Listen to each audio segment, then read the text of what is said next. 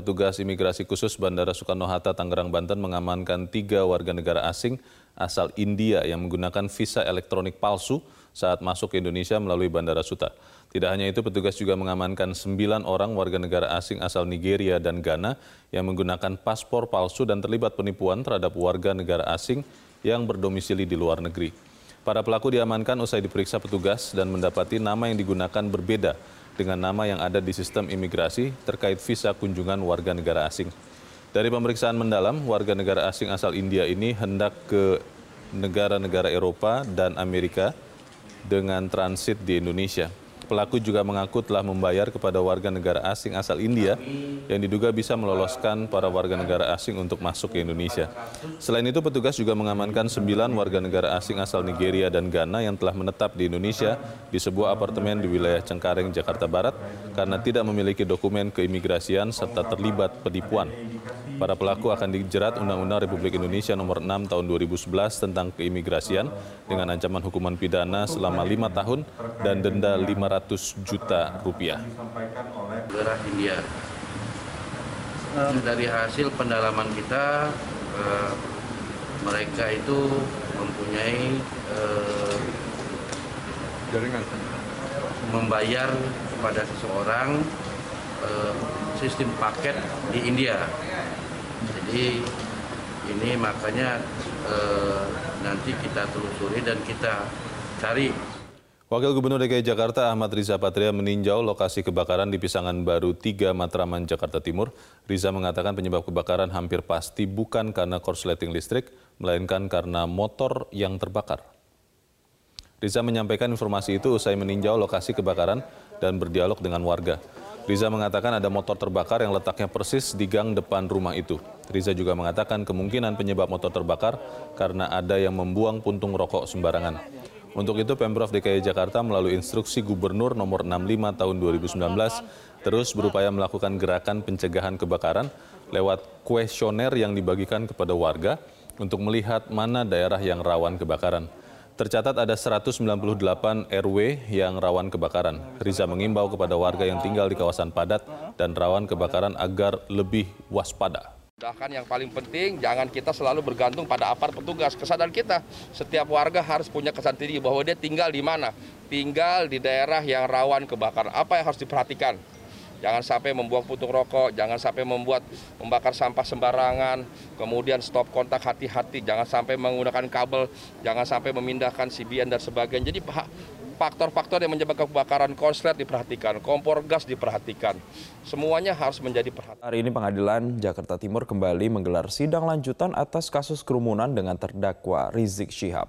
Majelis Hakim mengabulkan permintaan terdakwa yang meminta hadir langsung dalam persidangan atau secara offline.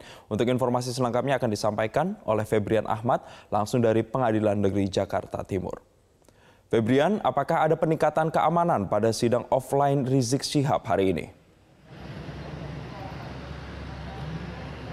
Jason benar ada peningkatan pengamanan pada sidang Rizik Sihab pada hari ini di mana jika dibandingkan dengan sidang yang yang agendanya pada minggu lalu yakni sidang dakwaan ada sebanyak 1.800 personil kepolisian, TNI dan juga Satpol PP maka pada hari ini jumlah personil gabungan ataupun tim pengaman bergabungan totalnya adalah sebanyak 1.985 personil gabungan yang terdiri dari TNI, Polri dan juga Satpol PP mengamankan jalannya sidang dari Rizik Sihab pada hari ini. Adapun mereka ataupun tim pengaman gabungan ini sudah berjaga-jaga di sekitar pengadilan negeri Jakarta Timur sejak tadi kami pantau pukul 7 waktu Indonesia bagian Barat. Tadi juga sudah dilakukan apel pagi di mana ada beberapa ketentuan-ketentuan yang harus ataupun yang menjadi rencana dari pihak pengamanan dalam mengamankan sidang Rizik Sihab pada hari ini.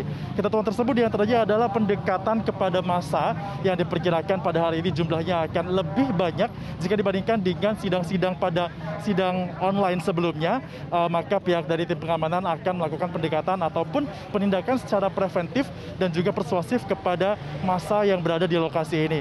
Dan juga fokus dari pihak kepolisian dalam menegakkan um, hukum ataupun aturan di sini adalah untuk dapat menekankan protokol kesehatan di mana masa yang akan mendukung Rizik Sihab diminta untuk tetap menerapkan protokol kesehatan dan juga mematuhi aturan-aturan yang ada sesuai dengan peraturan yang diterapkan oleh pemerintah terlebih lagi lokasi ini saat ini juga masih menerapkan PPKM yang mana memang ada larangan bagi masa untuk dapat berkerumun ataupun melakukan tindakan unjuk rasa.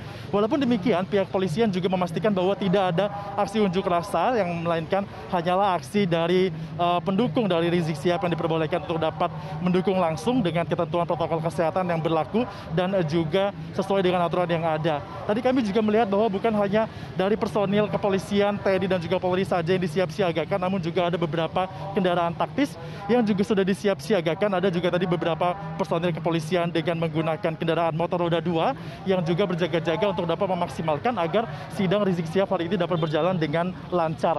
Selain itu pihak kepolisian juga tadi mengungkapkan bahwa nantinya jika diketahui ada masa yang tetap bersikuku tidak ingin menuruti peraturan dan juga tetap uh, tidak menjaga jarak dan juga tidak mentaati protokol kesehatan, maka pihak kepolisian akan mengambil langkah lainnya satu langkah de, dibandingkan dengan langkah persuasif yakni langsung melakukan uh, pengecekan dan juga langsung uh, menindak yakni dengan cara mengumpulkan masa-masa yang tidak patut tersebut dan juga ada kemungkinan masa akan dilakukan tes swab untuk dapat melihat ataupun men-tracing apakah masa yang berkerumun ini uh, melakukan uh, tindakan uh, terindikasi terinfeksi dari virus COVID-19.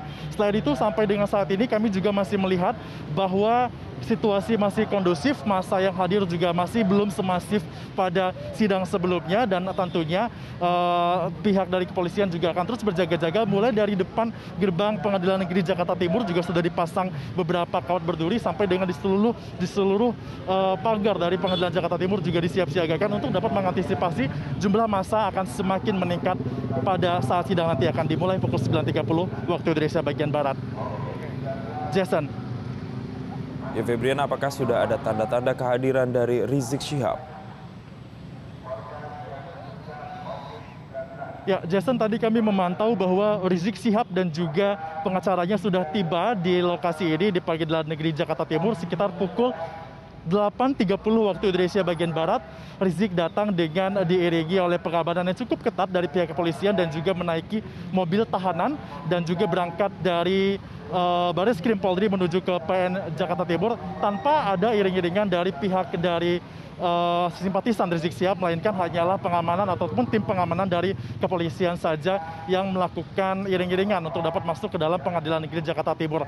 Selain itu tadi juga kami melihat bahwa saat akan masuk penjagaan juga ketat bahkan ada beberapa masa yang saat mobil tahanan dari yang membawa Rizik Sihab masuk ke dalam PN Jaktim ini masuk mereka mencoba untuk uh, menyuarakan ataupun mengikuti dari belakang namun tadi langsung dihadang oleh pihak dari kepolisian dan juga sempat terjadi sedikit adu mulut di antara uh, pihak dari pengacara Rizik Sihab yang ternyata ini dibatasi untuk boleh masuk ke dalam ruangan sidang di mana uh, dalam persidangan kali ini karena memang sedang berada di tengah pandemi COVID-19 untuk pengacara hanya diperbolehkan tadi kami mendapatkan informasinya tujuh pengacara saja yang boleh masuk ke dalam ruang persidangan.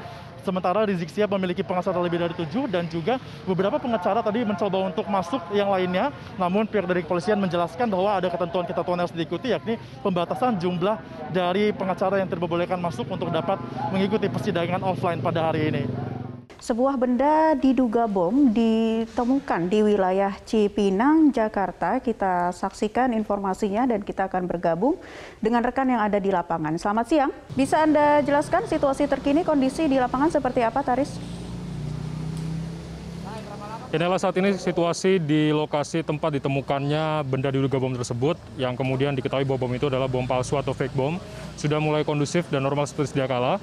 Untuk arus lalu lintas juga sudah kembali dibuka setelah sebelumnya sempat ditutup oleh kepolisian pada saat melakukan olah TKP dan juga memastikan uh, tim gegana yang tiba di sini uh, memastikan bahwa bom tersebut adalah bom palsu.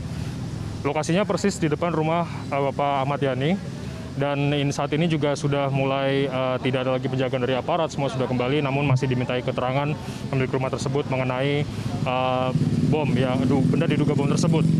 Tadi juga disampaikan bahwa dari kepolisian menyatakan bahwa untuk bom itu merupakan memang bentuknya sangat menyerupai di, dengan tunjukkannya adanya kabel yang tersambung dengan jam, kemudian uh, sejumlah warga di sini pada sekitar pukul 6 pagi tadi melihat ada seseorang yang meletakkannya. Namun ketika kami konfirmasi lebih lanjut kepada kepolisian mengenai siapa pelakunya ataupun juga uh, apa motifnya masih didalami begitu Naila. Dan saat ini situasinya sudah kondusif, kami masih akan menunggu keterangan dari kepolisian lebih lanjut mengenai uh, hasil penyelidikan mereka. Dan saat ini memang situasi sudah mulai normal seperti sedia kala. Kita ketahui bahwa saat ini perumahan Cipinang Indah merupakan salah satu komplek perumahan menengah ke atas yang uh, juga kerap kali dilalu banyak sekali lalu lalang kendaraan untuk menuju ke ruas jalan utama di Basuki Rahmat yang tidak jauh dari kawasan pemukiman Cipinang Indah ini.